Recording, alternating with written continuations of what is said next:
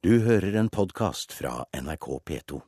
Ugo Fermarello, da tar jeg bare sats og sier eh, Kulturnytt med et skrik. Og det skriket skal være et skrik for nytt Munch-museum, lover i hvert fall demonstrantene.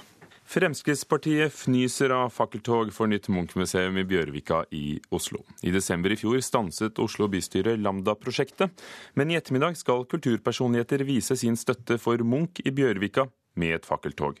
Fremskrittspartiets Christian Tybring-Gjedde er ikke begeistret. Jeg må jo si at jeg syns det er eh, si, dessertgenerasjonens ultimate snobberi å gå i et fakkeltog for, eh, for Lambda-bygg til 2,5 milliarder kroner. En av de som ikke kommer til å gå i fakkeltog til støtte for et nytt Munch-museum i Bjørvika, er Christian Tybring-Gjedde, fylkesleder i Oslo Frp. For det første så eh, mener jeg at det er så mange andre goder og velferdsgoder vi trenger å gjøre i Oslo. Og vi har en gjeld i Oslo kommune på 23 milliarder. Og her skal man altså gå i demonstrasjonstog for å bruke 2,5 milliarder kroner, og sikkert mer, et, for å få en bygning. Det er ikke for å få et museum, men for å få en bygning. Her skal vi begynne. Blir det fint, det? Tidligere direktør for Henny Onstad kunstsenter, Karin Hellandsjø, er en av arrangørene bak fakkeltoget. Det starter her fra, fra utsiden av Rådhusplassen, altså sjøsiden. Og så skal vi gå opp Rådhusgata, som jo er Og det er jo ikke langt. Og så går vi opp til Operaen, og så avslutter vi der. Flere kulturpersonligheter støtter opp om toget, som har fått navnet Skrik for skrik. Vi er mange fra norsk kunst og kulturliv som, eh, som er utålmodige. Bl.a. kunstner og musiker Magne Furuholmen, sjef for Riksteatret Ellen Horn og Snøhetta-sjef Kjetil Trædal Thorsen, for å nevne noen. Nå er vi utålmodige, nå syns vi politikerne har rotet nok, nå må de ta en avgjørelse. Nå må Munch komme til sentrum, og de må bestemme seg nå. Men selve skriket Nei, jeg tror ikke det. det vil Karin Hellandsjø holde hemmelig fram til faklene fyres opp klokken seks i ettermiddag. Det kan jeg ikke si deg nå, da, vet du. Hallo. Etter å ha skrevet en Munch-biografi og lest hans uh, egne ønsker om et museum, så er det helt klart at, at, Munch først og fremst ønsket å bli sett av mange. Sier musiker og forfatter Ketil Bjørnstad. Han har skrevet dokumentarromanen 'Historien om Edvard Munch', og støtter også kveldens initiativ og et Munch-museum i Bjørvika. Man har uh, en nærhet til uh, veldig mange viktige bygninger etter hvert i, i, Oslo som gjør at det kan anlegges byvandringer. Det kan, altså, dette museet kan stråle i veldig mange retninger. De tre alternativene for plassering av et nytt museum er altså Lambda-bygget i Bjørvika, Nasjonalgalleriet og på Tøyen, der dagens Munch-museum har stått siden 1963. Det er bare å se på besøkstallene, forskjellen på hvem som kommer til eh, sentrumsmuseene og hvem som kommer til Tøyen, så skjønner man at Tøyen er dødfødt. Men en som ikke mener at Tøyen er dødfødt, er Marianne Borgen. Og hun er SVs gruppeleder i Oslo bystyre. Og som hver dag jobber For å få Munch-museet til å komme til Tøyen. Jeg tolker dette først og fremst som et veldig sterkt engasjement eh, og en utålmodighet i forhold til at man nå ønsker seg et nytt Munch-museum i Oslo. Og det kan bestemmes i desember. For 12.12. på Edvard Munchs fødselsdag klokken tolv møtes Oslo bystyre, og museets framtid kan bli avgjort. Men Fremskrittspartiet vil ikke ha noe Munch i Bjørvika. Kultureliten og en del kultursnobber er for, eh, for Lambda. Det er fordi at de ikke skal betale for det selv. Og heller ikke på Tøyen. Eh, vi skal eh, gjøre det som er fornuftig. Nasjonalgalleriet er estimert kanskje til en milliard kroner. Og det er bedre enn en, en godt nok. Christian Tybring-Gjedde i Fremskrittspartiet, reporter Eivind Våge, som vi hørte i reportasjen, og Andreas Lindvåg. Agnes Moxnes, kulturkommentator i Kulturnytt. Vil et fakkeltog som er planlagt i kveld, påvirke valget av nytt Munch-museum i Oslo? Hvis det skal være vits i å gå i et sånt fakkeltog noen gang, så er det vel akkurat nå. For det er jo ikke flertall for noen av de forslagene vi hørte om her i Oslo bystyre. Og nøkkelen til en løsning har for så vidt fortsatt eh, Fremskrittspartiet. Og jeg må nesten si når jeg hører Christian Tybring-Gjedde her, og si at det partiet har nesten frekkhetens nådegave. fordi at det, Jeg må minne om at det var Fremskrittspartiet som ivret for å få Munch bort fra Tøyen og til sentrum. Det var det partiet som sikret flertallet for at et nytt Munch-museum skulle ligge i Bjørvika, rett bak operaen. Og det var også de som sikret at det var Lambda som skulle bygges. altså De var med på å vedta det. Og det, alt dette her har jo kostet Oslo kommune og godt over 100 millioner kroner. Eh, inntil da Fremskrittspartiet kastet eh, håndkleet i forbindelse med siste valget. Og nå når man hører på Christian Tybring-Gjedde nå, så høres det jo nesten ut som han ikke har lyst på et nytt, munke, et nytt museum i det hele tatt. Han snakker jo om det ultimate snobberiet her. Så hvor går de politiske frontene nå?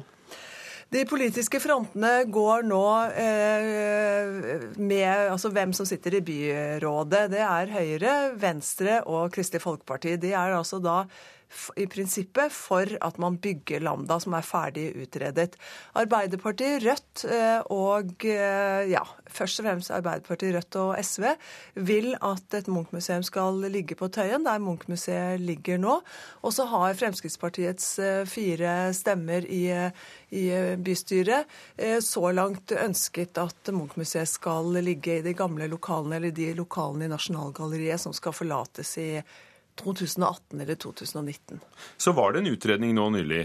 Hva, hva, blir konklusjonen av den? Kan du minne oss på hva som skjedde ja, der? Altså Førte den noe videre? Det har jo egentlig ført til mer eh, krangel og usikkerhet enn at den har hjulpet politikerne noe særlig på vei.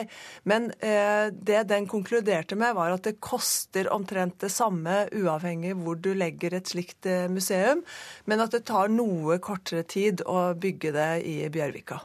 Og mens politikerne i Oslo ikke blir enige, og, og heller ikke folk seg imellom, så nærmer Munch-året seg i desember, etter 150 år siden han ble født.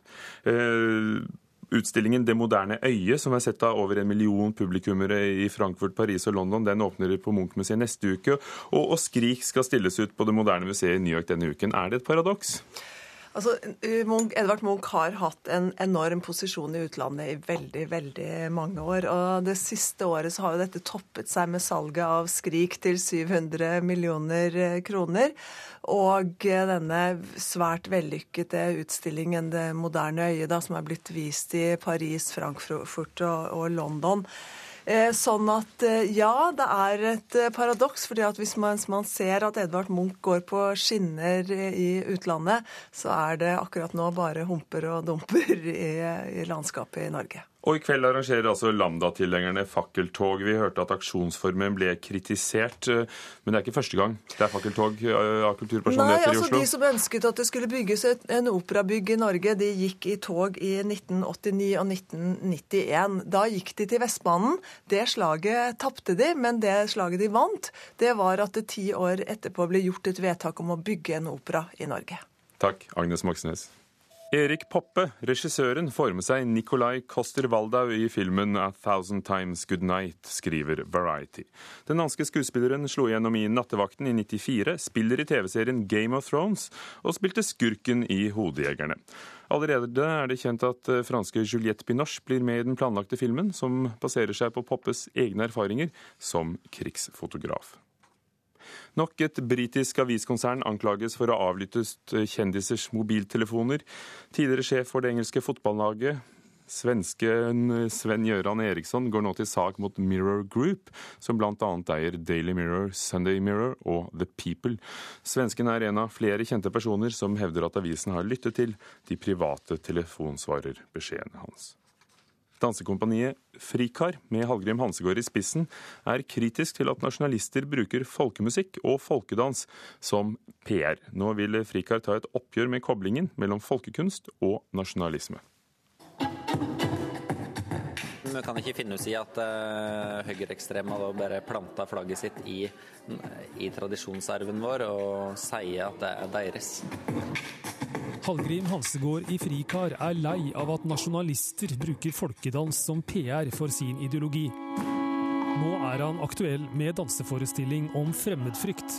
der publikum også får se filmsnutter. Lausdansere som eh, dansa laus under krigen og var nazister. Og har intervju med Vigerid-sjefen. Vi toucha fremmedfrykt fra ulike kanter. Slik at vi stiller en del spørsmål i utgangspunktet når forestillinga begynner. Den nye forestillinga tar et oppgjør med at løsdans av mange forbindes med det nasjonale. Når jeg vokste opp, så var det veldig sånn stereotypiske forventninger til løsdans. Som kanskje har en sånn etterslenger etter andre verdenskrig, eh, da det ble eh, veldig ut å være kunne bli assosiert med det nasjonale. Så Biverfrost er på en måte å ta et lite oppgjør med dette. F.eks. Eh, I, i, i Sverige i dag. Det høyreekstreme partiet bruker jo eh, folkedans til promotering i dag. Og det, det er sånn parallell tilbake til andre verdenskrig, der Heinrich Himmler brukte norsk folkedans til å promotere seg sjøl. Altså ideologien deres. Det høyreekstreme har jo vært på, har markert seg ganske mye de siste året nå. Og Derfor syns jeg det er enda viktigere at folk som da jobber med norske folketradisjoner, som vi gjør, sier hva vi mener. Så nå kan dere prøve sammen for første gang, da. I Frikars nye oppsetning Biverfrost møter løsdansere, breakere og hardingfela Amina Sevalis moderne rytmer. Jeg forventer kanskje at publikum sitter igjen med ganske ulike typer reaksjoner. Jeg er veldig spent på hvordan unger og eldre vil reagere ulikt på det vi har å fortelle. Veldig annerledes forestillinger fra Frikar. Det er veldig spennende. med å prøve å bevege oss ut på litt eh, ny grunn. Anne Bryn har regien, Bugge Wesseltoft musikken. Teater Innlandet er medprodusent. Fordi de er en eh, veldig kunstnerisk tung gruppe. Noe av det beste vi har eh, på dans. Sier teatersjef Janne Langås. Forestillinga har urpremiere i Hamar den 25. og skal så turnere Innlandet rundt i høst. Med Biverfrost så ønsker jeg å stille den der dagligdagse type fremmedfrykten som du har inni det, overfor vennene, overfor familie, overfor folk du ikke kjenner som er til samme etnisitet, og overfor andre etnisiteter. Reporter Stein Seide traff Hallgrim Hansegård og de andre i Frikar. Elektronikafestivalen Insomnia i Tromsø får kritikk for at de lar seg sponse av det italienske oljeselskapet Eni Norge. Festivalkunstneren mener det er veldig problematisk at kunstnere og kulturarbeidere tar imot penger fra oljeindustrien. Det her er eh, festivalkunstneren vår, eh, Elin Øynevister. En stolt festivalsjef, Kristian Hollingsæter, viser frem lydinstallasjonen fra Røst. Lyden av sårbar sjøfugl, hvis livsgrunnlag er i ferd med å forsvinne. Utrolig gøy at man får bare vise de tinga. Disse, disse litt sånn far out-tinga, men som er utrolig fine. Men festivalkunstneren er ikke fornøyd med hvem som har sponsa Elektronikafestivalen. Nei, altså... Ikke visste hun om det heller. Jeg visste ikke at Insomnia var sponsa av et olje, italiensk oljeselskap. Det var ikke jeg klar over. Hva tenkte du når du fikk vite det? Da ble jeg ganske stressa, og jeg ble litt sur. Finn tilbake. Det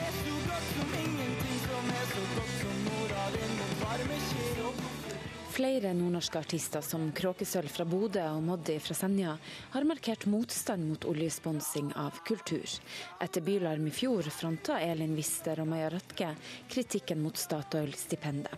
Og i forrige uke så fikk Astrup Fearnley-museet i Oslo hard kritikk for å la seg sponse av et svensk oljeselskap. Oljesponsing av kultur, idrett og forskning er kjempeproblematisk.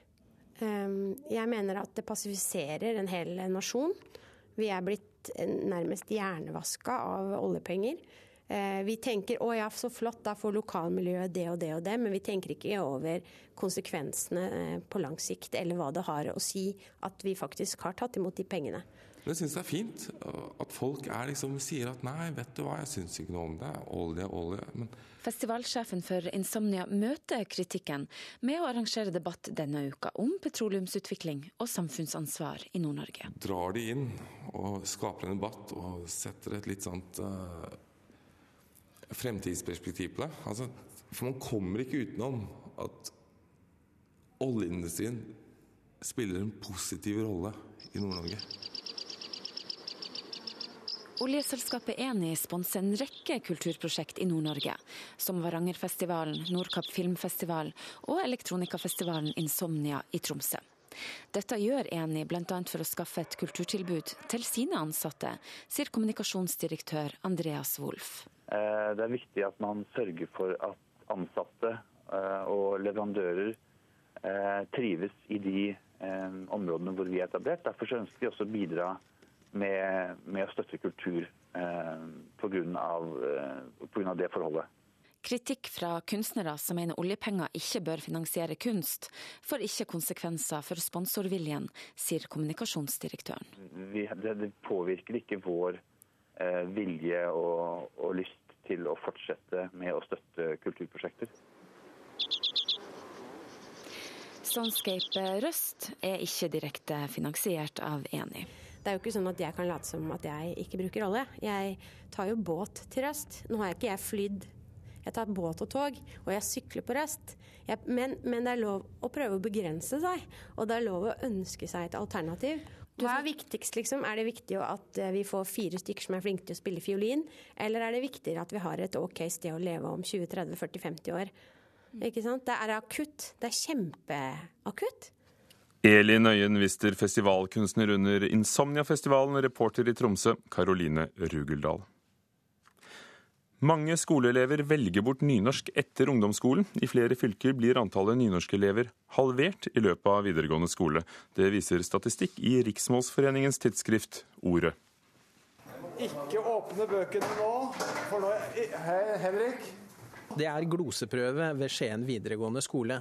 I klasserommet sitter Bjørn Haugarne. Jeg kommer fra Haukling i Vest-Telemark, Vinje. Og han har holdt fast på nynorsken. Det er kanskje pga. at jeg er så stolt av dialekter, da. Haugarne er altså et unntak. Statistikken viser at både i Telemark, Møre og Romsdal og Hordaland er antall nynorskbrukere i skolen tilnærma halvert i løpet av årene fra elevene går ut av grunnskolen til de tar eksamen på videregående.